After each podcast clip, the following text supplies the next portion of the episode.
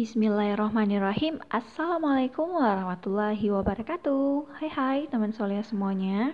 Senang sekali saya Siti Rahayu kembali hadir menemani waktu santai teman soleh semua Dalam rubrik BBM yaitu Bincang-Bincang Millennials. Nah hari ini adalah hari perdana nih rubrik eh, BBM kembali menemani para pendengar teman soleh semua di tahun 2022 ini Nah, seperti biasa, Rubik e, eh, BBM akan hadir sebulan sekali, tepatnya hari Senin di pekan keempat, selama satu jam ke depan, di mana kita bisa diskusi ringan seputar dunia remaja dengan para narasumber yang insya Allah akan memberikan banyak inspirasi kepada kita semua.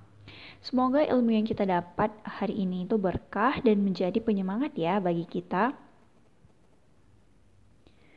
dan insya Allah partner saya dalam bincang-bincang malam ini yaitu Kak Mega Eliani. Ini mungkin teman-teman udah nggak asing lagi ya sama Kak Mega.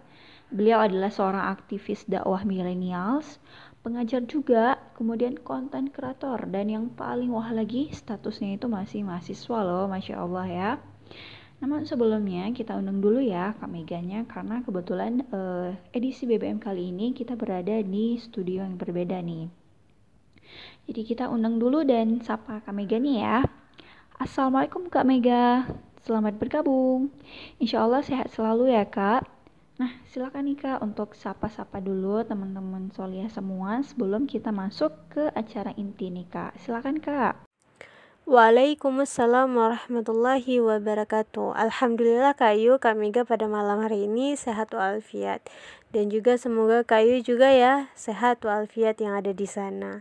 Dan juga teman-teman surga yang ada di grup ini Semoga Allah berikan kesehatan jika ada yang sakit. Dan semoga sehat juga ya. Alhamdulillah.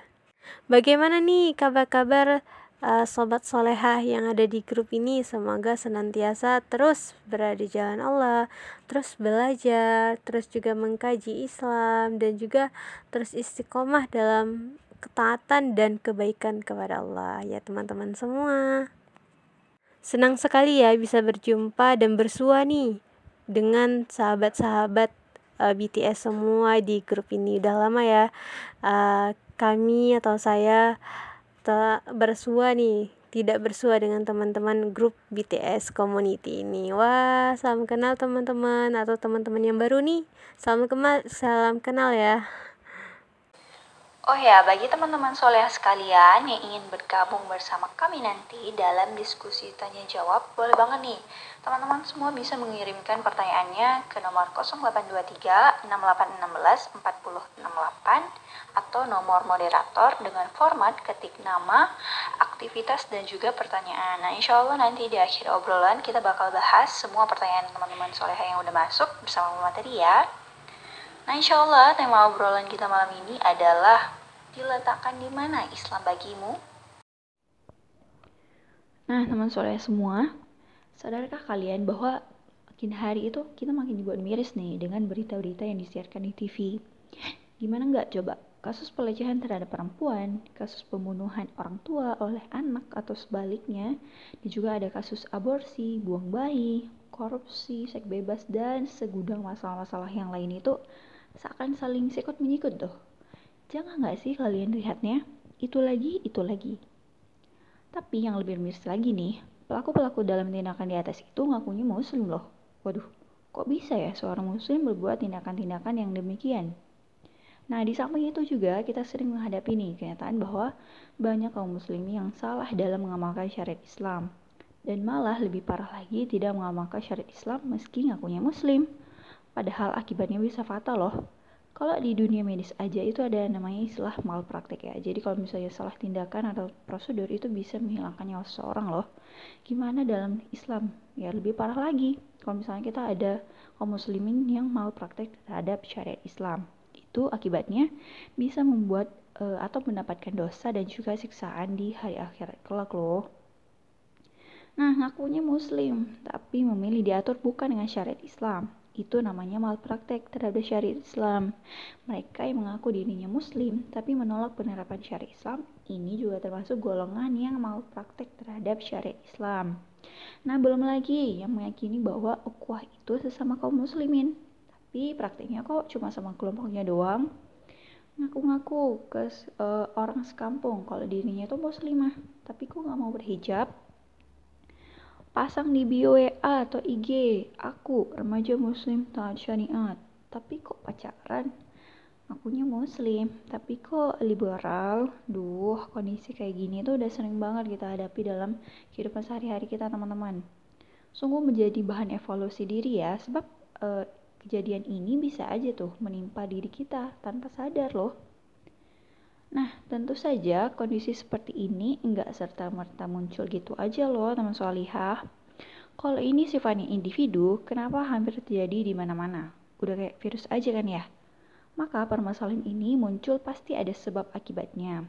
Nah, malam ini kita bakal bahas tuntas nih fenomena-fenomena di atas apa sih penyebab yang melatar belakanginya, bagaimana fakta-fakta di masyarakat kita, dan bagaimana sesungguhnya Islam mengatur dan memperbaiki semua permasalahan kita. Nah, insya Allah semua ini bakal kita bahas tuntas dengan narasumber kita, yaitu Kak Mega. Langsung saya langsung aja kita tanya yuk. Nah, Kak Mega, dari permasalahan-permasalahan yang saya sebutkan tadi nih, Sebenarnya menurut Kak Mega, di mana sih salahnya? Boleh nggak sih kita mencukupkan diri dengan status muslim saja? Dan sebenarnya apa sih makna Islam dan juga muslim itu? Oke, baik Kayu. Bismillahirrahmanirrahim. Assalamualaikum warahmatullahi wabarakatuh. Innal hamdalillah wallazi arsala rasulahu bil huda wa dinil haq liyudhhira 'alad dini walau karihal musyrikun. Asyhadu an la ilaha illallah wa asyhadu anna Muhammadar abduhu wa rasuluh. Rabbi israh li sadri wa yassir li amri wahlul 'uqdatam min lisani yafqahu qawli. Alhamdulillah segala puji bagi Allah, Tuhan semesta alam yang telah memberikan kita modal ya teman-teman modal akal, modal waktu luang, modal kesehatan kepada kita sehingga kita masih bisa beribadah kepada Allah, masih bisa ketaatan um, memberikan ketaatan kepada Allah gitu teman-teman. Dan melakukan aktivitas-aktivitas lainnya yang di mana aktivitas ini yang membawa kita lebih dekat dengan jannahnya Allah. Lebih dekat dengan ridhonya Allah. Salawat yang salam. Kita tercurahkan kepada baginda Rasulullah Sallallahu Alaihi Wasallam seorang pemuda yang masya Allah dengan perjuangannya dengan kegigihannya dengan berdakwahnya. Kita bisa merasakan iman bisa merasakan Islam hingga hari ini teman-teman. Karena itu berkatnya Rasulullah Nabi Nabi kita. Dan ini adalah patut kita syukuri atas nikmat iman dan nikmat Islam ini kepada diri kita. Karena ini adalah pintu gerbang utama kita untuk bisa menggapai ridho-nya Allah untuk menggapai surganya Allah. Oke, baik nih Kak Ayu. Kayu udah sampaikan nih teman-teman bahwasanya permasalahan-permasalahan yang tadi yang Kayu Kayu sampaikan bahwasanya kita tuh nggak boleh cukupkan diri dengan status muslim saja karena teman-teman semua mungkin banyak umat hari ini itu kabur tentang agamanya. Mereka tuh hanya berpikir kalau Islam itu ya tentang ibadah doang, tentang sholat aja, puasa, zakat, dan lain sebagainya. Dan bahkan banyak yang berpikir bahwasanya Islam itu hanya insya, subuh, lohor, asar, dan maghrib. Udah sholat uh, kelima itu, dah kita udah soleh kali. Nah itu adalah pandangan yang salah nih teman-teman tentang Islam. Maka nggak heran ya kalau misalnya umat hari ini itu banyak yang tidak tercerminkan dia seorang muslim karena dari segi sikapnya, dari segi perbuatannya, tingkah lakunya, gaya hidupnya, perkataannya itu tidak mencerminkan dia adalah seorang muslim. Gak hanya itu teman-teman dan itu kerusakan terjadi juga di mana-mana akibat ketidakpahaman umat hari ini tentang Islam, teman-teman. Jadi, Islam itu penting untuk kita pahami nih dan belajar. Ya, agama Islam itu hukumnya juga wajib. Jadi umat Islam harus paham Islam seharusnya. Terus bagaimana nih makna dari Islam itu sendiri teman-teman?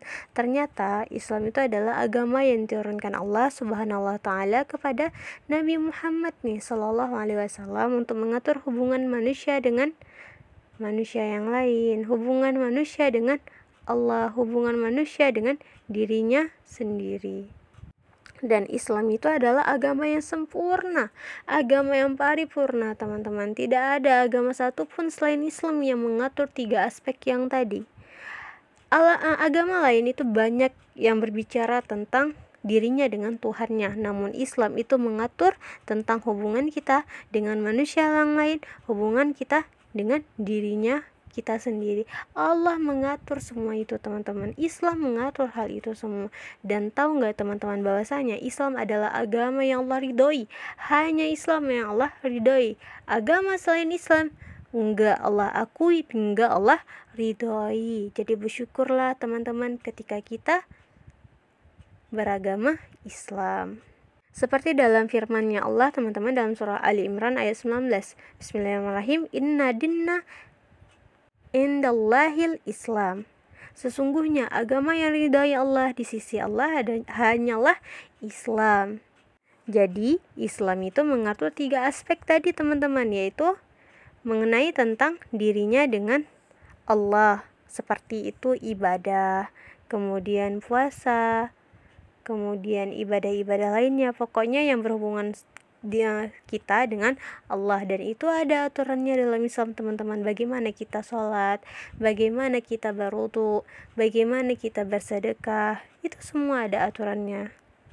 Dan sempurna teman-teman. Yang kedua hubungan kita dengan diri kita sendiri.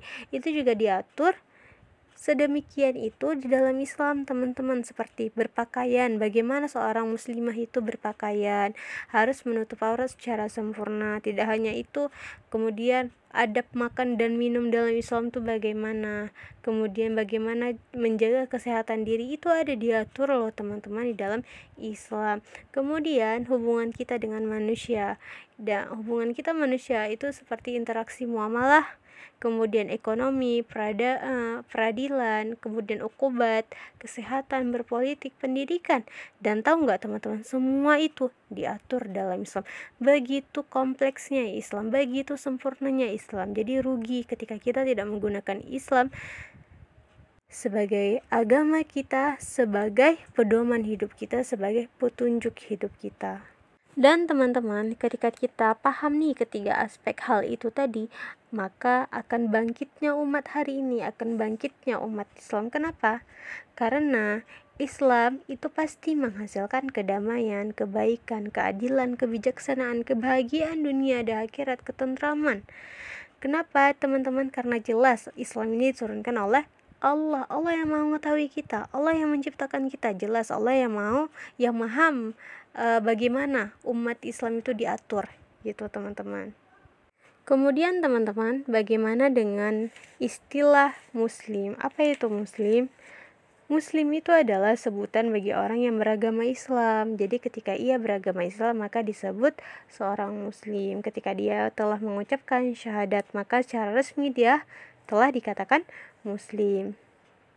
Muslim itu juga diperoleh dari keturunan teman-teman. Misalnya nih orang tua kita muslim yang otomatis pasti anaknya juga ikut muslim atau disebut dengan muslim turunan. Teman-teman yang dirahmati Allah, ternyata ciri-ciri dari seorang muslim yaitu bertakwa kepada Allah, teman-teman. Takwa yang artinya itu bersegera dalam ampunannya, bersegera dalam seruannya Allah. Dan orang-orang bertakwa, kata Allah di dalam surah An-Nur ayat 51, ketika Allah menyeru mereka, maka mereka katakan yaitu sami'na wa ta'na. Artinya apa? Kami dengar ya Allah dan kami patuh mereka itu tidak. Ya nantilah ya Allah. Ketika Allah memberikan mereka atur ya nanti ya Allah. Ketika Allah memberikan mereka kewajiban ya nanti nanti aja lah ya Allah. Masih waktu tuh masih panjang. Mereka tidak teman-teman. Mereka itu sami'na wa to'na kami dengar ya Allah dan kami patuh. Sekarang juga detik ini juga begitu mereka bertakwa kepada Allah. Dan ini merupakan ciri-ciri seorang muslim teman-teman tapi dilihat dari realita sekarang, banyak umat hari ini itu statusnya cuma Islam doang. Ya enggak sih? KTP aja Islam, namun sejatinya ia tidak menunjukkan bahwasanya dia seorang muslim. Padahal dia adalah muslim turunan. Namun dilihat dari tingkah lakunya, kepribadiannya, perbuatannya, perkataannya itu tidak sama sekali tidak menunjukkan dia seorang muslim. Ya artinya apa? Ia telah menyalahi An-Nur ayat 51 ya nggak teman-teman? Ya Allah bilang sami'na wa ta'na seharusnya ciri-ciri seorang muslim dan tidak hanya itu aja teman-teman, ternyata Allah itu dikatakan dalam Al-Quran bahwasanya umat muslim itu adalah umat terbaik yang dilahirkan di tengah-tengah umat manusia. Jadi kita itu dari gelarkan sama Allah umat terbaik loh, memiliki predikat yang tinggi yang dinyatakan langsung oleh penguasa jagat raya yaitu Allah Subhanahu taala teman-teman. Teman-teman semua, kalau misalnya kita pikirkan nih, dapat dikatakan umat terbaik itu bila pola pikir kita itu adalah pola pikir yang luas. Iya enggak sih? Pola pikir Islam gitu.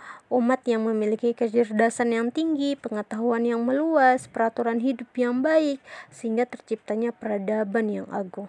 Disegani para musuh. Kalau dilihat itu seperti keren banget gitu kan? Keren ya Nah, itu adalah umat terbaik. Seharusnya kita seperti itu, teman-teman. Tapi kok nggak relate ya dengan kondisi-kondisi di atas, kondisi-kondisi umat ini? Pasti nih ada yang salah nih. Kenapa hari ini umat muslim itu tidak, tidak bisa dikatakan umat terbaik? Pasti ada yang salah nih dari kitanya karena firman Allah gak pernah salah, gak pernah cacat sama sekali dan pasti kebenarannya kita sambung lagi teman-teman. Kok nggak relate ya dengan apa yang Allah bilang? Ternyata itu bukan Allah yang salah loh teman-teman. Karena firman Allah itu nggak pernah salah. Pasti kebenarannya ternyata yang salahnya itu pada umat hari ini loh. Umat hari ini teman-teman itu sudah rusak pola pikirnya kemudian juga hancur pengetahuan Islamnya, hilangnya jati diri seorang muslim, pudarnya kepribadian Islam, jauhnya ketundukan dan ketaatan dari Sang Khalik, pencipta Allah Subhanahu taala. Mirisnya pola perkataan yang di dalamnya tidak ada manfaat sedikit pun, teman-teman. Banyak yang telah terkena penyakit wahan. Apa itu wahan? Itu adalah cinta dunia dan takut mati. Umat hari ini itu seperti ini, teman-teman. Mereka itu hilang tujuan hidupnya. Poros hidupnya itu nggak jelas, kabur. Dan semua hal itu dapat terjadi ketika umat muslim itu buta dengan agamanya sendiri, nggak paham dengan agamanya sendiri. Kemudian apa yang terjadi teman-teman ketika mereka itu malas belajar agamanya, kemudian menjadi buta tentang pengetahuan Islam, yang terjadi apa? permasalahan di mana-mana, LGBT di mana-mana, iya enggak? Kasus pelecehan, pembunuhan, itu udah menjadi makanan keseharian kita. Mendengar hal itu udah biasa karena enggak sampai satu jam sudah ada lagi masalah hal yang sama. Tidak hanya itu, pelecehan agama kian hari kian banyak. Kemudian tidak hanya itu teman-teman, bencana alam itu banyak sekali di berbagai daerah hari ini di Indonesia khususnya. Ya enggak teman-teman? Sadar enggak sih teman-teman kita hari ini sedang seperti ini? Dan hari ini banyak sekali generasi muslim yang melakukan seks bebas ya enggak hamil di luar nikah, aborsi, bullying, pemerkosaan. Enggak hanya itu, dari ekonomi ekonominya pun ekonomi yang merebak riba mengutangnya tinggi. Perempuan hari ini ada perempuan yang tidak memiliki rasa malunya di hadapan laki-laki yang bukan mahramnya. Tidak hanya itu teman-teman dari kesehatan saja itu sudah mahal. Sudah mahal sekali. Ternyata umat hari ini itu sedang tidak baik-baik saja umat hari ini itu sedang mengalami keterpurukan yang besar, yang tinggi. Kenapa hal ini terjadi? Karena umat muslim itu banyak meninggalkan hak-haknya seorang hamba kepada Al-Khaliq, kepada Allah Subhanahu taala. Mereka banyak sekali menyembunyikan keislamannya. Ya enggak sih? Dan muslim itu teman-teman seharusnya taat atas perintahnya Allah karena ia sami'na wa ta'na dan ini merupakan karakter dari seorang muslim dan kita harus bangga menjadi seorang muslim teman-teman karena kita adalah umat terbaik yang dilahirkan di tengah-tengah manusia ketika kita mengambil Islam secara sempurna. Begitu saja Kak Ayu. Wah, Masya Allah banget nih penjelasan dari Kak Mega. Berarti Islam itu gak hanya cukup nih sekedar ibadah, sholat, puasa, zakat, haji doang ya Kak, tapi banyak aturan-aturan Islam yang lain yang uh, selain ngatur hubungan kita sama Allah, juga ngatur hubungan kita sama diri kita sendiri dan juga hubungan kita dengan sesama manusia. Jadi ada tiga aspek ya yang harus teman-teman catat tuh yang disampaikan sama Kak Mega tadi. Nah di samping itu uh, juga kita harus bangga nih dan gak boleh menyembunyikan keislaman kita teman solihah. Jadi harus benar-benar menunjukkan identitas kita sebagai muslim yang selayaknya. Jangan malu ya dengan status kita sebagai muslim. No jangan pernah malu. Nah, diingatkan kembali nih bagi teman solihah yang mau bertanya boleh banget dengan berpartisipasi via WA di nomor moderator untuk bertanya ya dengan format ketik nama, aktivitas dan juga pertanyaannya. Oke, kita lanjut ke pertanyaan yang kedua ya, Kak. Nah, tadi sebenarnya Kak Mega udah spoiler nih uh, sedikit ya. Uh, ciri-ciri dari muslim. Tadi kan kita udah bahas apa itu Islam, bagaimana Islam mengatur, kemudian apa itu muslim, ya. Jadi kita mau tahu nih Kak Mega, gimana sih uh, ciri-ciri dari muslim sejati itu, Kak? Silakan, Kak. Bener sekali Kak Ayu, kita tuh harus bangga nih menjadi seorang muslim, gak boleh nih menyembunyikan keislaman kita. Yap, betul Kak Ayu yang seharusnya kita itu harus menunjukkan identitas kita sebagai muslim, jangan malu-malu. Maka dari itu, ciri-ciri muslim sejati itu yang pertama teman-teman itu memiliki keimanan yang kokoh. Karena iman ini sangat penting teman-teman karena awal dari segala perbuatannya kita, perkataannya kita, tingkah lakunya kita, kepribadiannya kita itu berawal dari keimanan kita, teman-teman. Apa itu iman? Iman itu keyakinan kita kepada Allah, keyakinan kita kepada hal yang goib. Kita percaya enggak sih mengenai tentang surga dan neraka? Kita percaya enggak sih tentang pahala dan dosa? Kita percaya enggak sih sama malaikat, sama Allah? Itu keyakinan teman-teman ketika kita percaya bahwasanya Allah yang maha mengatur kehidupan kita. Kita percaya bahwasanya Allah yang menciptakan langit dan bumi dan seisinya. Kemudian kita percaya mengenai tentang Al-Quran bahwasanya itu adalah firmannya Allah maka kita akan memperoleh keimanan yang kokoh. Dengan memperoleh keimanan yang kokoh teman-teman kita akan menjadi umat yang gak biasa bahkan menjadi umat yang luar biasa. Kenapa?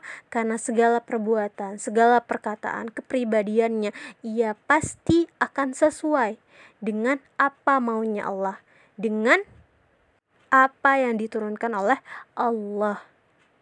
Dan ia juga tidak akan uh, sembarangan bertindak, teman-teman. Pasti ada filter bahwasanya yang mana perbuatan yang Allah ridhoi. Yang mana perbuatan yang Allah tidak ridhoi maka ia akan memilih perbuatan yang Allah ridhoi dan menjauhkan perbuatan-perbuatan yang Allah murkai teman-teman. Itulah pentingnya iman. Kemudian dari segi perkataan perkataan yang baik itu bagaimana, perkataan yang Allah sukai itu bagaimana, maka ia akan mengikuti apa pun yang Allah sukai, apa pun yang Allah ridhoi dan menjauhkan perkataan-perkataan buruk maupun perkataan-perkataan kotor. Jadi penting sekali kita untuk mengokohkan keimanan kita dan dengan mengokohkan keimanan kita teman-teman kita akan menjadi manusia yang suka rela tanpa paksaan untuk melakukan segala apa pun yang Allah perintahkan kepada kita.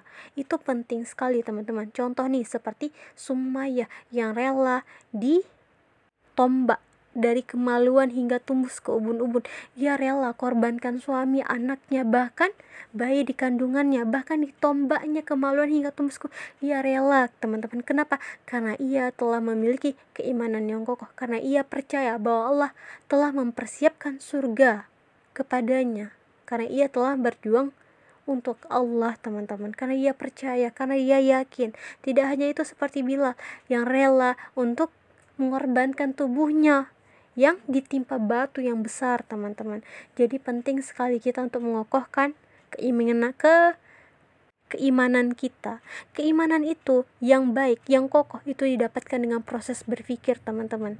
Dengan proses berpikir, bukan dengan lahir secara keturunan. Kita tuh harus berpikir, kita tuh harus belajar agar kita sangat-sangat dekat agar kita itu mampu mengokohkan lebih memperkuat keimanan kita. Yang kedua, itu yang yang kedua memiliki visi dan misi dalam hidup.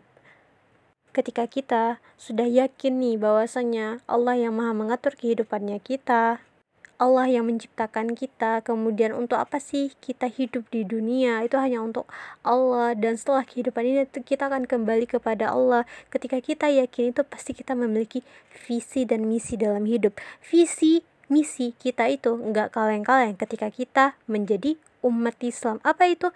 Yang pertama, visi seorang muslim itu teman-teman itu mencari ridhonya Allah. Ketika kita sudah mendapatkan ridhonya Allah, surga mudah kita raih rezeki yang Allah berikan di dunia mudah kita dapatkan teman-teman ketika Allah sudah ridho. Kalau misalnya orang tua sudah ridho nih orang tua sudah uh, senang nih sama kita pasti dibelikin ini dan itu. Begitupun dengan Allah teman-teman Allah akan memberikan apa pun untuk kita ketika Allah telah ridho kepada kita. Maka yang pertama kali kita minta adalah ridhonya Allah teman-teman. Itu visi seorang muslim yang hakiki maka dari itu terciptalah misi-misi yang bagaimana perbuatan-perbuatan yang mengarah kepada ridhonya Allah itu seperti apa? Seperti patuh dan taat atas perintah dan menjauhkan segala larangannya Allah. Allah bilang jangan pacaran. Oke, okay, kita tidak boleh pacaran Allah nggak bo Allah mengatakan bahwasanya tidak boleh ikhtilat tidak boleh campur baur gitu kan tidak boleh membangkang orang tua oke kita tidak boleh membangkang orang tua kita mengikuti apa pun yang Allah perintahkan maka Allah akan ridho kepada kita teman-teman. Dan juga jangan berbuat baik itu hanya ingin dipuji oleh manusia. Dan Allah tuh maha cemburu teman-teman. Maka lakukanlah segala aktivitas teman-teman. Aktivitas kita itu mintalah ridho Allah gitu. Hanya untuk Allah kita berbuat. Maka penting sekali kita untuk belajar menuntut ilmu. Agar tahu perbuatan apa saja yang Allah ridhoi, agar tahu larangan-larangan apa yang seharusnya kita jauhi seorang muslim. Jadi penting sekali kita belajar bagaimana meraih cintanya Allah, teman-teman. Jangan belajar untuk meraih cintanya si doi.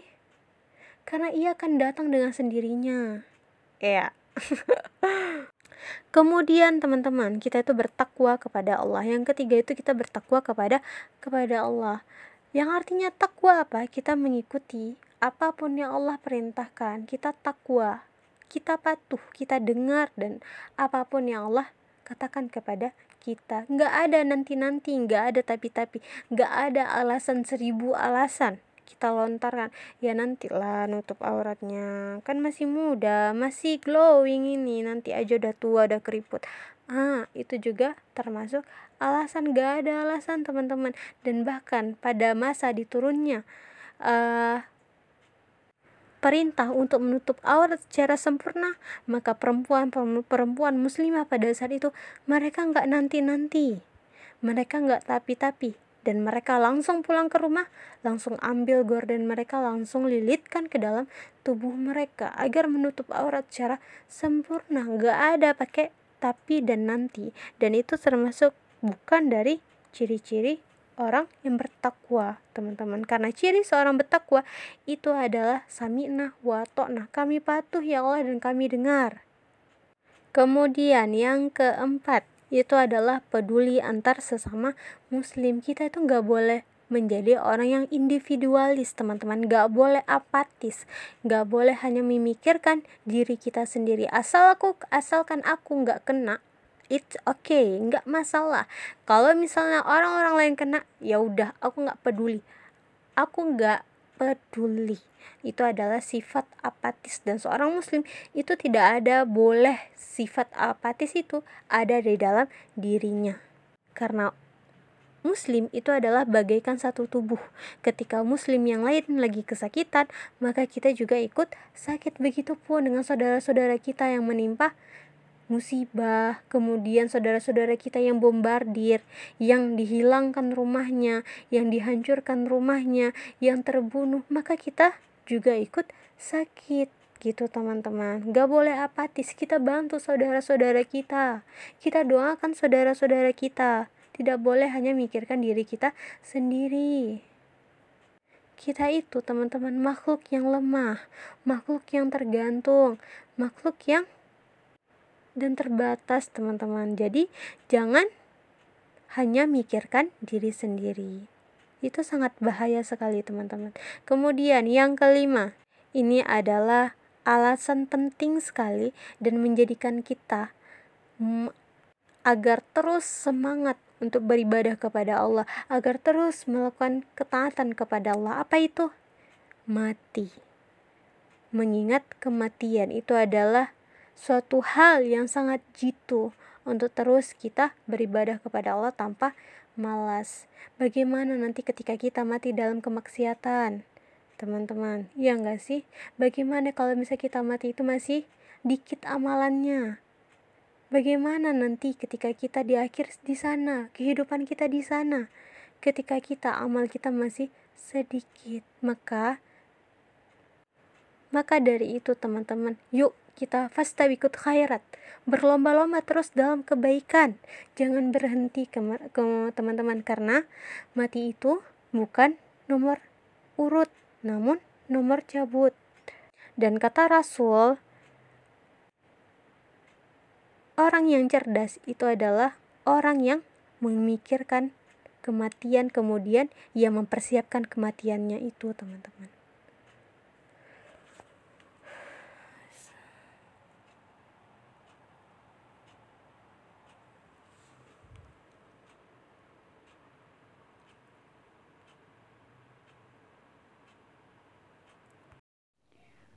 Nah, teman Solia semua, dari penjelasan Kamega tadi, kita udah tahu nih ciri-ciri dari muslim sejati itu gimana. Itu ada lima poin, yaitu yang pertama adalah mengokohkan iman kita. Kemudian yang kedua adalah memiliki visi misi tujuan hidup.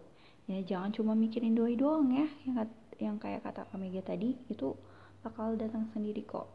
Kemudian yang ketiga adalah bertakwa. Jadi e, menjalankan perintah Allah e, dan Rasul serta menjauhi larangan Allah dan Rasul.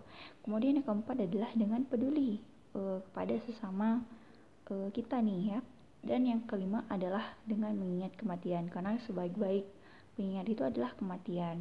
Nah, jangan lupa nih untuk dicatat ya teman solihah. Oke kak, kita lanjut ke pertanyaan selanjutnya ya. Nah kak, ternyata nih uh, sakafah atau pemahaman pergaulan lingkungan itu sangat berpengaruh ya kak terhadap kehidupan kita itu bisa berefek tuh bahaya banget. Kalau tonton tontonan atau bacaan dan lingkungan itu salah maka ya kita auto masuk jurang nih alias terjerumus ke jalan yang salah. Nah seperti sekarang ya kak itu banyak tontonan film atau drama-drama itu udah um, banyak banget yang ngeri-ngeri nih mempertontonkan uh, kehidupan yang bebas. Soalnya ya ini tuh zaman modern udah uh, 5.0 loh ya kita harus ngikutin zaman kak. E, masa harus kuno terus dari mulai cara berpakaian dan segala macamnya itu. Terus gimana nih kak e, tanggapan kak Mega dalam e, pemikiran yang seperti ini? Iya benar. Kita emang harus ngikut zaman. Tapi yang bagaimana dulu? Zaman yang bagaimana dulu? Banyak loh teman-teman zaman sekarang. Itu hanya beda prasarana aja, namun tujuannya intinya itu sama. Contoh, apa bedanya khamar sama alkohol? Cuma beda namanya doang, tapi intinya sama kan sama-sama memabukkan. Apakah kita meminum alkohol itu ngikutin zaman? Itu salah teman-teman. Itu mereka hanya mengubah prasarananya aja. Istilahnya beda tapi intinya sama. Bukan seperti itu yang ngikutin zaman. Kita Allah kasih akal loh teman-teman untuk bisa berpikir untuk bisa menyaring untuk bisa memahami. Bukan mengikuti tanpa ada pembenaran. Jadi penting sekali kita gunakan akal kita untuk bagaimana kita harus ikut zaman. Zaman yang bagaimana dulu. contoh lagi yang pakai bikini ataupun pakaian-pakaian yang terbuka gitu kan yang difikirkan oleh mereka itu eksotis gitu kan menampakkan uh, bentuk tubuh yang gak boleh ditutup gitu kan ini sebuah seni seni yang bagaimana teman-teman apa beda buka aurat pada zaman ini dengan buka aurat pada zaman dulu. Sama-sama sama-sama aja. Intinya sama aja namun mereka ubah prasarana mereka. Mereka ubah istilah mereka. Tapi tujuannya juga sama. Itu namanya apa? Kita ngikutin zaman jahiliyah. Jangan mau dibodohi sekarang. Ya enggak dan perlu diketahui teman-teman Al-Quran. Al-Quran kitab suci umat muslim itu akan selalu ngikutin zaman akan selalu sesuai dengan keadaan zaman teman-teman zaman kita, zaman terdahulu akan selalu sesuai Al-Quran itu. Seharusnya kita yang ngikutin Al-Quran, bukan Al-Quran yang ngikutin zaman kita, teman-teman. Ini adalah pandangan yang salah. Dalam Islam itu ada dikenal atau disebut dengan hadoroh atau madaniyah khusus ataupun madaniyah umum. Bagaimana itu? Mahadoroh itu adalah sebuah bentuk ide, pemahaman, pemikiran ataupun yang mencerminkan pemikiran dari agama yang lain atau uh, segala sesuatu yang menyimpang gitu kan? Yang dari yang Allah turunkan kepada umat manusia. Kemudian diadopsi. Maka ini adalah sebuah yang salah. Contohnya itu seperti apa teman-teman itu seperti feminis, child free jadi dalam Islam itu ada disebut dengan hadoroh. Hadoroh itu adalah bentuk ide, pemahaman, pemikiran dan apa pun yang yang segala sesuatu yang gak nampak yang di mana hal itu sangat menyimpang dari Islam gitu teman-teman. Dan ini tidak boleh diambil haram untuk kita diambil contoh nih kayak macam feminisme ataupun uh, aturan aturan yang uh, aturan orang-orang barat gitu kan yang di mana itu menyimpang dari Islam itu nggak boleh diambil. Jadi kita punya filter nih nggak semua apa pun yang ikut zaman kita ambil. Apa pun yang ngetren viral kita ambil. Itu salah teman-teman. Muslim itu cerdas. Muslim itu nggak mudah untuk ikut ikutan jangan mau dibodohin jangan mau ikut ikutan tanpa ada pembenaran itu penting untuk kita. Umat is Islam. Kemudian ada madaniyah khusus. Madaniyah khusus itu adalah segala sesuatu bentuk yang di mana itu mencirikan sebuah agama. Contoh salib. Kemudian topi sar benito topi keruncut yang yang sering dipakai sama orang-orang ulang tahun. Itu ada sejarahnya dan itu sejarah yang sangat gelap. Sangat gelap yang mereka itu menjadikan topi sarbanito itu sebagai tanda dia telah musyrik tanda dia telah keluar dari Islam. Jadi perlu diketahui teman-teman, kita itu harus penting nih mempelajari sejarah biar nggak mudah ikut-ikut ikutan. Orang yang ikut pakai uh, topi apa namanya topi itu kita ikut keren kalau pakai ini. Itu salah, pandangan yang salah, perilaku yang salah. Jadi harus pintar, harus mampu meng-sharing, Kemudian apa yang boleh kita ikut? Itu adalah madaniyah umum. Apa itu madaniyah umum? Sains dan teknologi. Segala sesuatu yang tidak menyangkut agama. Itu boleh kita ambil. Teknologi boleh kita ambil. Silahkan ambil teknologi dari mana pun. Amerika kah? Inggris kah? Kemudian negeri eh, negeri-negeri kafir? Boleh. Sains dan teknologi saja. Tidak dengan yang lain. Tidak dengan agama mereka, tidak dengan pemikiran mereka, tidak dengan pengetahuan-pengetahuan agama mereka, tidak semua. Yang hanya boleh diambil adalah sains dan teknologi. Maka dari itu ketika kita mampu belajar hal itu teman-teman, kita itu bukan tidak bukan kuno, tapi kita malah menjadi seorang yang cerdas. Jadi, intinya apa?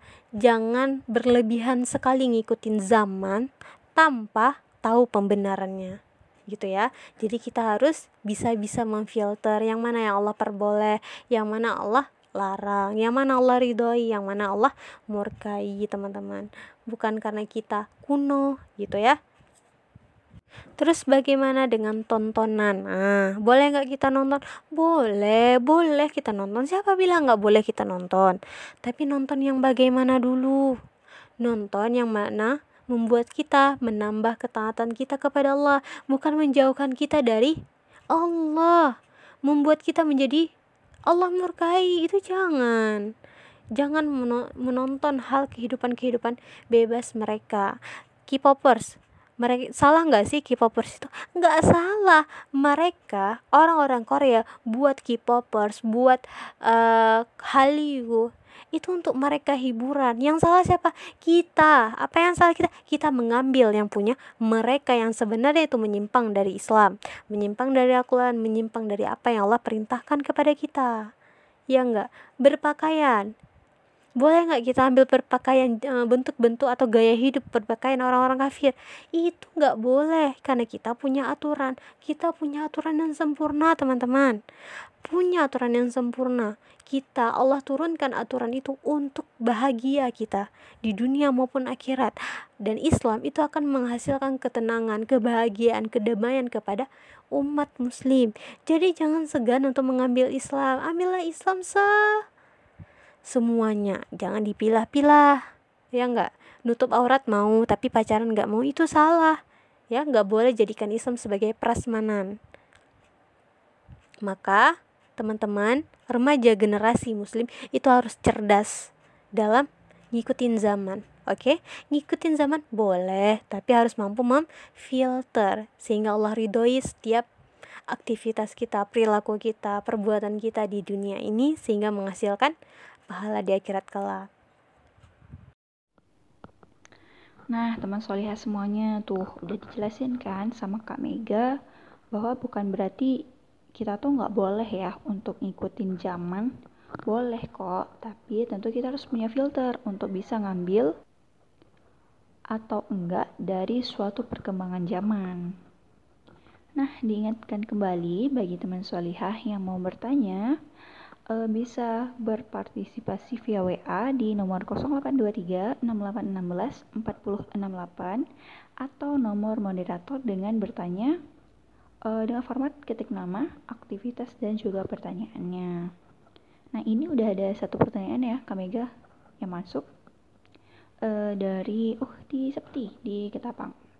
Langsung aja pertanyaannya adalah sekarang banyak orang-orang menganggap kalau kita hidup menjadi anak yang baik, tidak pernah berbuat salah kepada orang, merugikan orang lain, rajin sholat, bisa baca Al-Quran dan sedekah, itu sudah cukup kak menjadi amal masuk surga. Benar nggak sih seperti itu?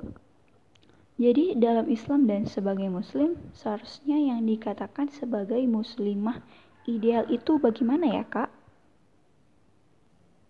Silakan Kak Mega untuk ditanggapi. Wah, Masya Allah, jazakillah khair kepada Ukti Septi yang ada di Ketapang. Masya Allah ya teman-teman, pemuda itu harus kris krisis, kritis, bukan krisis ya, kritis nih. Harus bisa mengamati, ya, harus bisa menganalisis, ya, Masya Allah, Masya Allah. Menurut teman-teman nih, bagaimana? Apakah kita cukup nih hanya untuk sholat, puasa, zakat, kemudian baca Quran, terus kita bisa masuk surga? Gimana menurut pandangan teman-teman BTS semua? Teman-teman, yuk kita menelaah dulu nih sejarah. Bagaimana sih perjuangan mereka untuk mendapatkan surganya Allah? Perjuangan mereka mengorbankan segala apa pun untuk mendapatkan surganya Allah Apakah semudah dan semulus yang kita lakukan? Tidak. Tidak, teman-teman. Tidak dengan tidak cukup dengan kita lakukan semua itu. Terus yuk kita menelaah. Yang pertama, teman-teman. Teman-teman kenal Ja'far bin Abdul Muthalib? Sosok uh, pahlawan, sosok pejuang, sosok yang yang dapat dikatakan ia tuh sangat mirip dengan Rasulullah Tahu nggak teman-teman? Ja'far bin Abdul Muthalib adalah sahabat Rasul yang tidak pernah takut. Ia menjadi pemimpin di perang Mu'tah. Setelah uh, setelah Harithah yang telah syahid kemudian maju pemimpin perang yaitu Ja'far bin Abdul Muthalib dengan sigapnya, dengan luar biasa keberaniannya itu meng memegang bendera Rasulullah dengan beraninya. Dan tahu nggak teman-teman, berapa tusukan, berapa cam bukan cambukan-cambukan, berapa tombakan, kemudian panahnya. Perlu diketahui dulu teman-teman, ketika Ja'far bin Abdul Muthalib sedang memegang bendera Aroya di tangan kanannya, kemudian tahu nggak ditebas tangan kanannya, kemudian memegang lagi bendera dengan tangan kirinya, kemudian ditebas lagi dengan pedang tangan kirinya oleh musuh.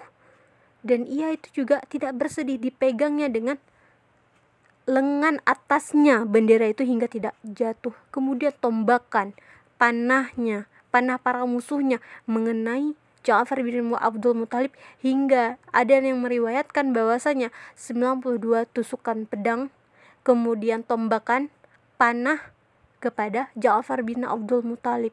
Begitu perjuangan yang sungguh sangat tidak kaleng-kaleng memperjuangkan surganya Allah teman-teman. Mintanya ridhonya Allah. Kemudian tahu Anas bin Nadar, teman-teman? Anas bin Nadar. Ia adalah sahabatnya Rasul yang ia itu berani, gigih untuk berperang. Dan tahu nggak teman-teman? Ia dicincang oleh para musuh. Dicincang tubuhnya, dicincang semuanya hingga tidak ada yang bisa mengenalinya kecuali saudara perempuannya dilihat dari ujung jari tangannya, teman-teman. Apakah kita sudah melakukan hal seperti itu untuk mendapatkan surganya Allah?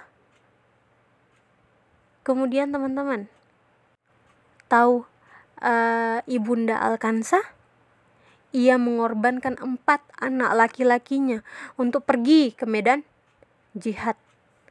Nggak takut sama sekali bahwasanya jihad itu kalau nggak menang hidup dengan istimewa gitu kan? Namun anak-anaknya keempatnya syahid. Masya Allah teman-teman. Luar biasa perjuangan-perjuangan mereka untuk mendapatkan surganya Allah Kemudian, apakah kita dengan rajin sholat, baca Quran, puasa, apakah itu cukup untuk menggadaikan semuanya, untuk mendapatkan surganya Allah? Nggak cukup, teman-teman. Nggak cukup Rasul saja berdakwah aja itu bisa berdarah-darah teman-teman bisa giginya copot teman-teman bisa berdarah uh, wajahnya teman-teman lah kita untuk mempergadaikan mem, mem, apa namanya mendapatkan surga itu dengan rajin sholat saja kemudian baca Quran saja itu nggak bakal cukup untuk kita masuk ke surga. Jadi berkaryalah untuk Islam. Lakukan yang terbaik untuk Islam. Lakukan hal yang besar. Jangan pernah kaleng-kaleng. Berdakwahlah teman-teman dengan rasa tidak takut kan? Tolonglah agama Allah teman-teman. Jangan pernah berpikir bahwasanya ada umat muslim yang lain yang menolong agamanya Allah tidak berkaryalah untuk Islam berjuanglah untuk Islam hingga Allah bisa memberikan surga itu layak untuk kita tepati kemudian dari pertanyaan Ukti Septini, bagaimana menjadi muslimah yang ideal? Yang pertama itu adalah teman-teman itu mengkaji Islam. Mengkaji Islam itu tidak sedikit tapi luas. Kita belajar Islam dengan tidak cuman uh, cukup satu jam sampai seminggu. Tidak teman-teman. Lakukanlah mengkaji Islam setiap hari, belajar Islam setiap hari agar tambah uh, ilmu Islam agar tambah uh, apa namanya pengetahuan-pengetahuan Islam kepada diri kita sehingga kita paham apa saja yang Allah perintahkan bagaimana bisa kita menjadi seorang yang baik bagaimana menjadi seorang pejuang gitu teman-teman. Belajar Islam karena belajar itu pintu awal untuk kita mengetahui segala ilmu yang Allah berikan kepada umat Islam umat manusia. Karena belajar itu membuat kita cerdas teman-teman bukan untuk membuat kita bodoh. Jadi belajarlah Islam hingga Islam bisa menjadi pemikiran berpikirnya pemimpin kepemimpinan berpikirnya kita karena perlu diketahui teman-teman Al-Quran itu bukan hanya di situ isinya tentang ibadah saja namun banyak sekali ilmu-ilmu yang lain Coba lihat teman-teman Allah juga mengajar kita kebersihan di dalam Al-Qur'an untuk membersihkan pakaian kita. Gitu. Kemudian Allah juga mengatakan juga dalam Al-Qur'an uh, belajar mengenai tentang bumi, langit, kemudian juga di situ ada belajar biologi. Luar biasa Al-Qur'an itu, teman-teman. Semua ilmu itu ada di situ.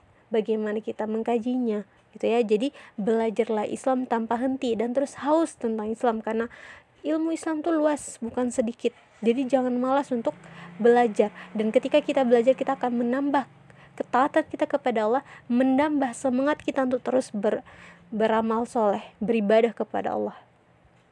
Perlu diketahui teman-teman, sejarah mencatat pada masa uh, pada masa kegemilangan Islam di Andalusia, tahu nggak teman-teman? Para petani, para buruh gitu kan, para orang kecil itu bisa membaca dan menulis gitu kan. Namun di sisi lain ada kegelapan, ada zaman kegelapan yaitu masa-masa Eropa yang di mana rajanya saja tidak bisa membaca dan menulis. Jadi penting untuk kita untuk belajar Islam secara luas, tidak hanya terpatok pada satu materi saja. Belajarlah semua, teman-teman. Kemudian yang kedua, bersahabatlah dengan orang soleh. Itu sangat penting teman-teman karena lingkungan teman kita itu sangat berpengaruh bagi kehidupan kita.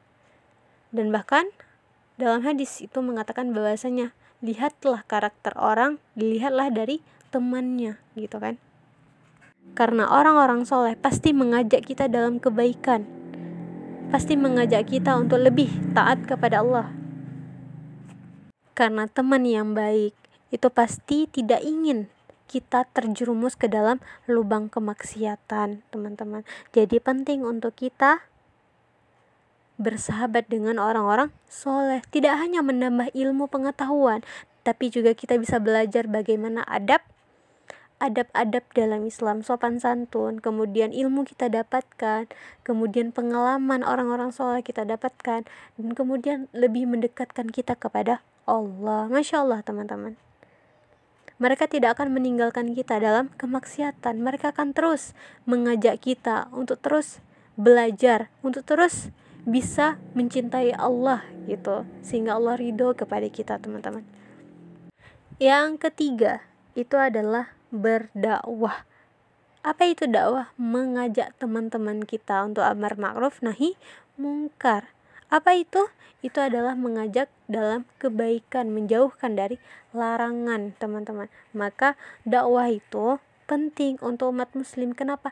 Karena karena itu puncak kebahagiaan seorang muslim, teman-teman. Kita mengajak teman kita untuk berbuat baik, mengajak teman kita untuk berhijrah itu luar biasa dan bahkan mendatangkan pahala jariah. Teman-teman, coba deh berpikir.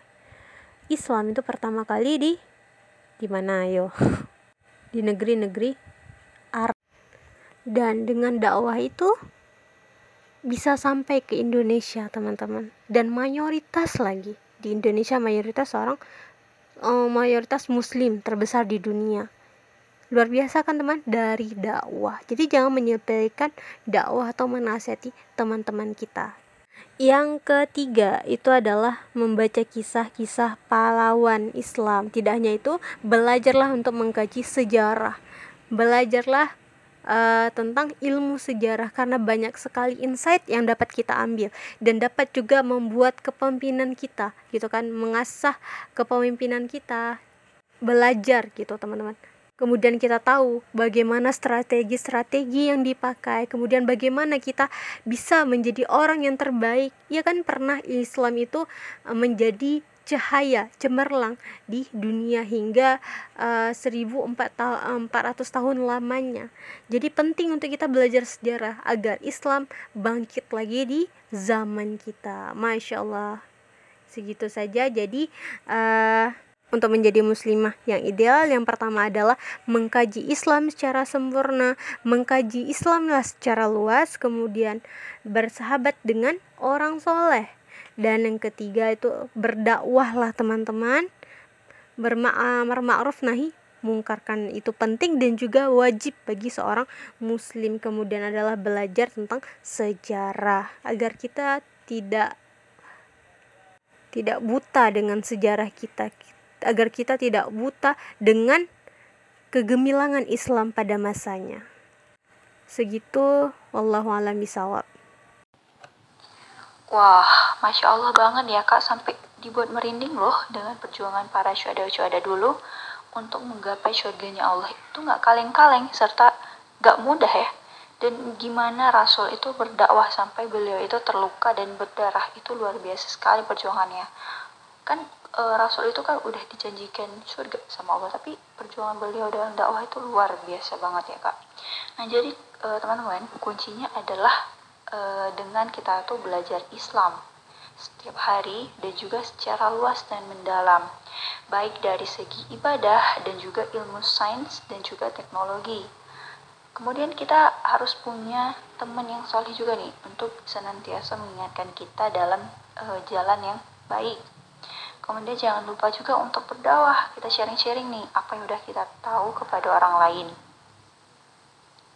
dan kemudian e, adalah dengan belajar siroh atau sejarah para sahabat-sahabat. Nah, ini pertanyaan terakhir nih Kak Mega. Bagaimana sih cara remaja muslim itu membentengi diri dari paham-paham selain Islam dan terbebas dari masalah-masalah yang sempat kita singgung sebelumnya nih Kak? Nah, ini satu yang penting nih Kak. Benar sekali. Bahwasanya bagaimana sih cara kita atau generasi muslim untuk membentengi diri kita dari paham-paham selain Islam ataupun paham-paham yang di mana paham ini yang menyimpang dari Islam. Jadi apa yang harus kita lakukan nih? Yang pertama kak, yaitu menimpa diri kita dengan sokofah Islam gitu kan. Jadi nggak perlu alergi atau gengsi ataupun kuno untuk ikut kajian gitu kan. Galilah Islam sedalam-dalamnya, sedalam-dalamnya pokoknya gitu kan sampai kira-kira tuh benar. Yakin kalau Allah itu ada dan selalu mengawasi kita. Al-Quran itu perkataan Allah yang harus kita jadiin pegangan di dalam hidup, pandangan dalam hidup, standar dalam perbuatannya kita dan juga Rasulullah adalah panutan uh, kita dalam laku um, berbuat gitu dalam melakukan uh, perbuatan gitu. Jadi penting untuk kita mengaji gitu kan? Dengan mengaji kita tahu semua apa yang Allah ridhoi sehingga kita bisa meraih surganya Allah teman-teman. Jadi penting untuk kita mengaji. Teman-teman perlu diketahui kira-kira kalau misalnya kita nggak belajar kira-kira tahu nggak sih sholat itu wajib? Tahu nggak sih menutup aurat itu wajib? Nggak tahu. Tahu nggak sih uh, apa namanya berbakti kepada orang tua itu memiliki pahala yang besar? Tidak tahu ketika kita tidak mengaji. Jadi penting sekali kita mengaji agar kita bisa bahagia dunia dan akhirat. Mau dong kita bahagia dunia dan akhirat dan kita itu hidupnya sekali. Maka dari itu Jadilah orang-orang beruntung nanti di akhirat kelak. Dengan apa? Dengan belajar Islam, dengan mengkaji Islam seluas-luasnya, sedalam-dalamnya. Kemudian yang kedua yang harus bisa kita lakukan yaitu mengkaitkan segala perbuatannya kita itu dengan kehidupan akhirat. Yang artinya apa? Kita harus memiliki kesadaran nih teman-teman ketika kita melakukan perbuatan apa pun perbuatan itu, apa pun aktivitas itu, maka selalu selalu kaitkan dengan apakah ini Allah ridho atau apakah ini Allah murkai? Karena penting sekali kita mengkaitkan segala perbuatan kita dengan Allah. Kenapa? Agar menumbuhkan kesadaran kita, agar kita tahu bagaimana bagaimana Allah mengawasi kita segala aktivitasnya kita. Karena Allah itu nggak pernah tidur teman-teman. Allah selalu mengawasi kita. Allah punya kamera CCTV kita punya kamera CCTV di sini di dunia ini. Jadi jangan uh, asal-asalan dalam melakukan. Jangan asal-asalan dalam ikut-ikutan gitu kan. Ngikutin-ikutin tren tapi nggak tahu apakah itu benar ataupun itu batil untuk diri kita karena teman-teman perlu diingat bahwasanya segala perbuatan kita, segala aktivitas aktivitas kita itu akan Allah mintai pertanggungjawaban. Kita akan dimintai Allah pertanggungjawaban di akhirat kelak. Jadi apa yang mau kita lakukan? Apa yang mau kita uh, katakan kepada Allah ketika kita melakukan sebuah kemaksiatan kepada Allah? Jadi penting sekali kita untuk menumbuhkan kesadaran kita ketika kita mau melakukan aktivitas perbuatan. Maka standarnya ke mana? Standarnya ke Al-Quran teman-teman karena hukum syara ataupun syariat Islam itu adalah aturan kehidupannya kita. Maka standar kita itu adalah firmannya Allah. Jadi jangan buat standar sendiri. Mentang-mentang Allah telah memberikan kita akal tapi kita memutuskan itu baik dan buruk itu menurut akal kita. Itu salah. Itu pandangan yang salah. Allah memberikan akal untuk kita itu untuk memahami ayatnya ayatnya Allah. Karena segala keputusan segala standar segala uh, baik dan buruk itu uh, apa yang Allah perintahkan apa yang Allah turunkan itu syariatnya Allah gitu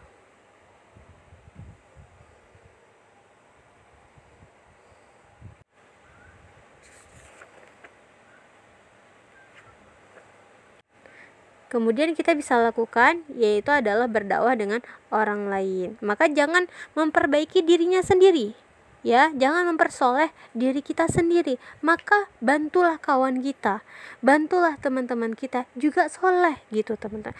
Juga mendekatkan diri kepada Allah dan ini juga mendatangkan pahala yang tidak sedikit namun banyak sekali dan ini adalah pahala jariah gitu. Sampaikanlah walaupun satu ayat teman-teman ya.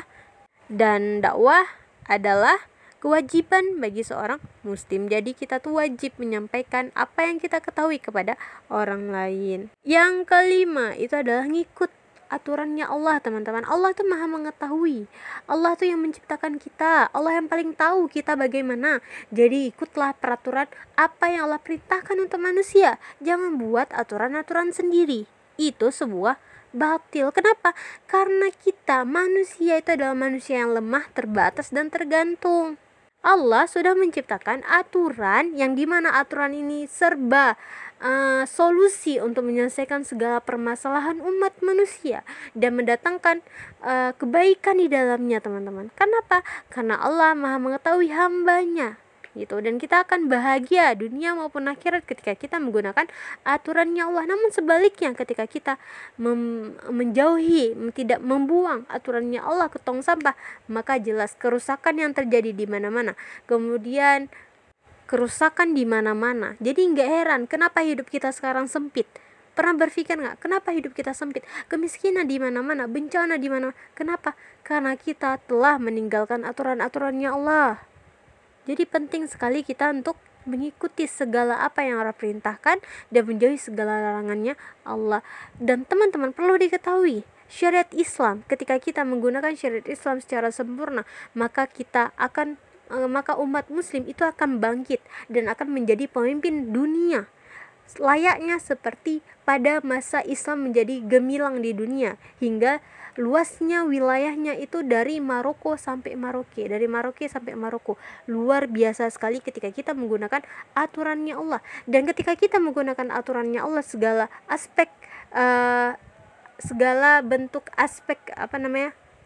aktivitasnya kita maka akan terciptanya generasi-generasi cemerlang, kemudian uh, ilmuwan-ilmuwan yang hebat, pengetahuan-pengetahuan yang luar biasa itu dari apa? Dari kita belajar Islam secara sempurna karena itu adalah cikal bakal kita menjadi orang terbaik di muka bumi ini. Dan satu lagi, dan Allah akan mintai pertanggungjawaban kepada manusia ketika dia tidak menggunakan aturannya Allah. Jadi penting untuk kita mengikuti segala apa pun yang Allah perintahkan dan menjauh dari larangannya Allah. Wallahu alam bisawab. Nah, teman soleha semuanya, kunci utama untuk membentengi diri kita dari pemahaman asing ya yang udah uh, kami gak sebutkan tadi, yaitu adalah dengan mengkaji Islam seluas dan sedalam-dalamnya. Kemudian juga mengaitkan standar perbuatan uh, kita ya dengan Allah kemudian berdakwah nih dengan apa yang sudah kita ketahui. Dan juga yang terakhir adalah dengan mengikuti aturannya Allah. Kenapa kita harus ikut aturannya Allah? Karena kita adalah manusia yang lemah nih teman-teman. Nah teman solehah yang dirahmati Allah tadi kita sudah mendengarkan ya penjelasan panjang lebar dari kakak pemateri kita dengan tema diletakkan di mana Islam bagimu Permasalahan-permasalahan yang menimpa kaum muslim saat ini diakibatkan oleh enggannya kita untuk belajar, padahal kita sudah tahu bahwa diri ini terbatas. Kemudian tidak mempraktekkan apa yang sudah kita ketahui, atau malah mempraktekkan apa yang tidak kita ketahui. Bisa kita simpulkan bahwa seharusnya Islam itu menjadi role model, bukan menjadi backgroundnya kita. Kita harus mengetahui bahwa Islam itu mengatur seluruh kehidupan manusia dari hubungan diri kita dengan Allah hubungan kita dengan diri kita sendiri, dan juga hubungan kita dengan sesama manusia. Kemudian muslim itu punya ciri-ciri yang seharusnya kita pertanyakan pada diri kita sendiri yang mengaku muslim ini. Apakah ciri-ciri tersebut sudah ada pada diri kita? Bukan hanya sekedar menjadi muslim yang fiktif, tapi menjadi muslim yang aktif. Maka dari itu, untuk menjadi pribadi muslim sejati, kuncinya adalah dengan belajar Islam setiap hari dan secara luas dan mendalam. Karena menuntut ilmu itu hukumnya wajib bagi seluruh muslim. Kemudian bergaullah dengan teman yang salih, berdakwahlah dengan ilmu yang sudah kita ketahui, serta belajar sirah atau sejarah para sahabat untuk menambah semangat kita dalam menuntut ilmu. Selain itu, menjadi muslim sejati itu bukan ketinggalan zaman, karena Islam itu sangat relate dengan skala zaman. Jadi jangan pernah malu dengan status dan aktivitas sebagai muslim, karena hanya Islam yang Allah ridhoi sebagai agama. Maka dari itu sudah seharusnya Islam diletakkan menjadi panduan hidup kita sampai hari di mana Allah memanggil kita. Waalaikumsalam warahmatullahi wabarakatuh. Jazakillah khair kepada Kak Risna yang telah bertanya nih. Wah, masya Allah teman-teman. Oke, bagaimana nih cara untuk memotivasi diri agar menjadi muslim yang lebih baik lagi wah masya Allah dan teman-teman mungkin uh, tadi juga ada disinggung nih oleh Kak Ayu uh, atas pertanyaannya bahwasanya untuk menjadi muslim sejati itu bagaimana gitu kan. Dan satu hal yang perlu diketahui teman-teman semua bahwasanya perlu diketahui untuk bagaimana sih cara kita agar memotivasi diri kita untuk menjadi muslim yang lebih baik. Pertama itu adalah kita harus paham nih tujuan hidup kita itu untuk apa visi hidup kita itu untuk apa? Jadi itu penting sekali. Kenapa? Karena itu adalah salah satu mendorong diri kita untuk menjadi lebih baik lagi. Kenapa?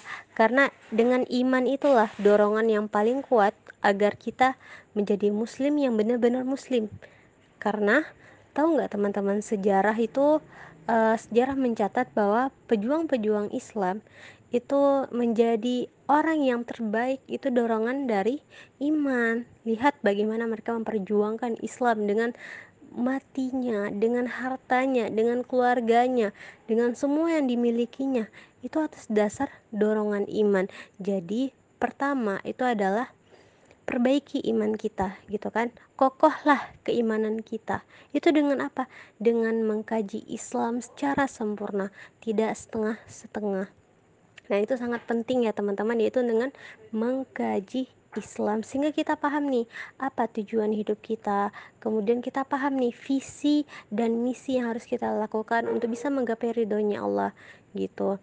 Jadi pahami jadi perbaiki dulu iman kita gitu kan kokohkanlah dulu iman kita gitu bahwasanya tujuan dari seorang muslim itu berada di dunia gitu kan tujuan mereka hidup itu untuk beribadah kepada Allah gitu kan. Pahami semuanya teman-teman sehingga kita punya semangat untuk terus beribadah kepada Allah dan menjadi muslim yang terbaik.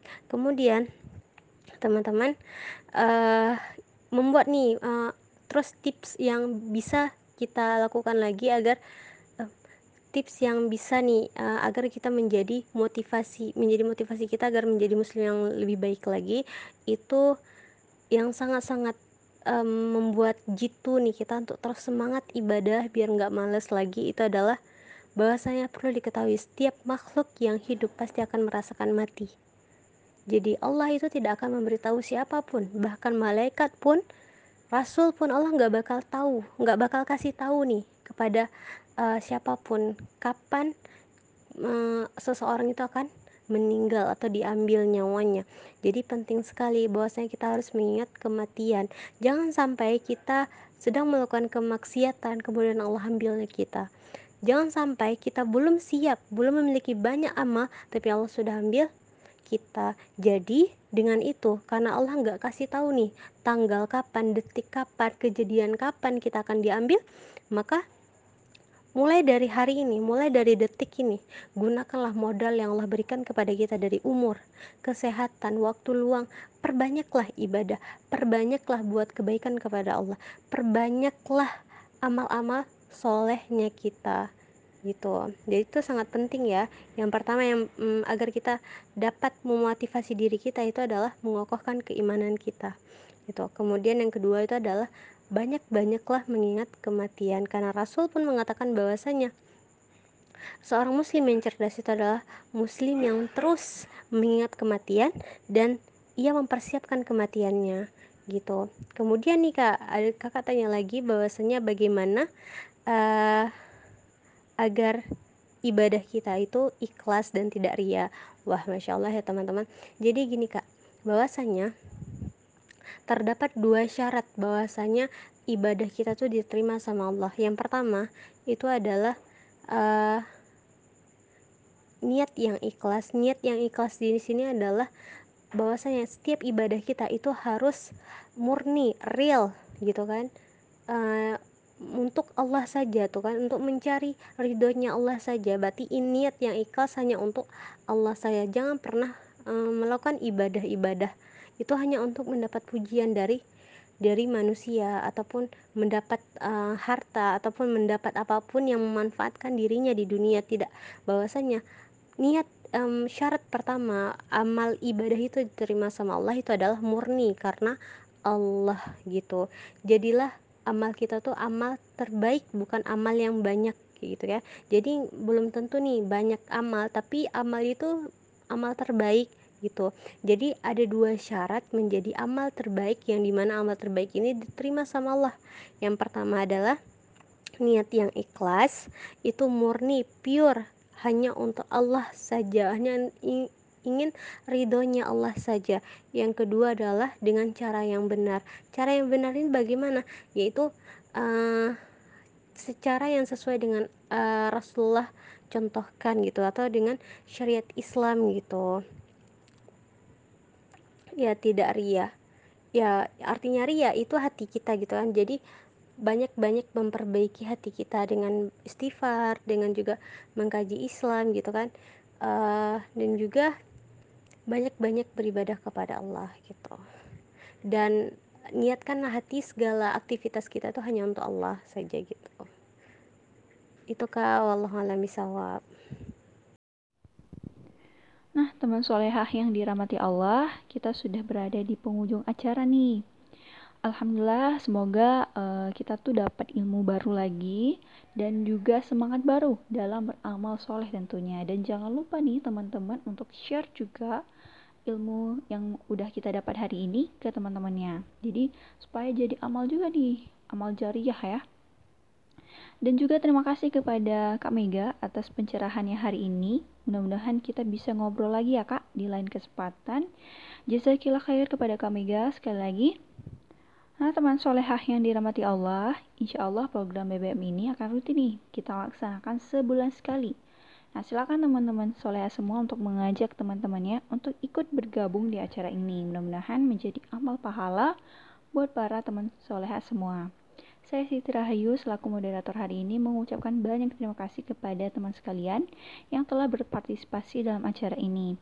Kami mohon undur diri dan insya Allah kita jumpa lagi di bulan depan ya. Dan mohon maaf bila ada kesalahan yang kami lakukan. Wassalamualaikum warahmatullahi wabarakatuh.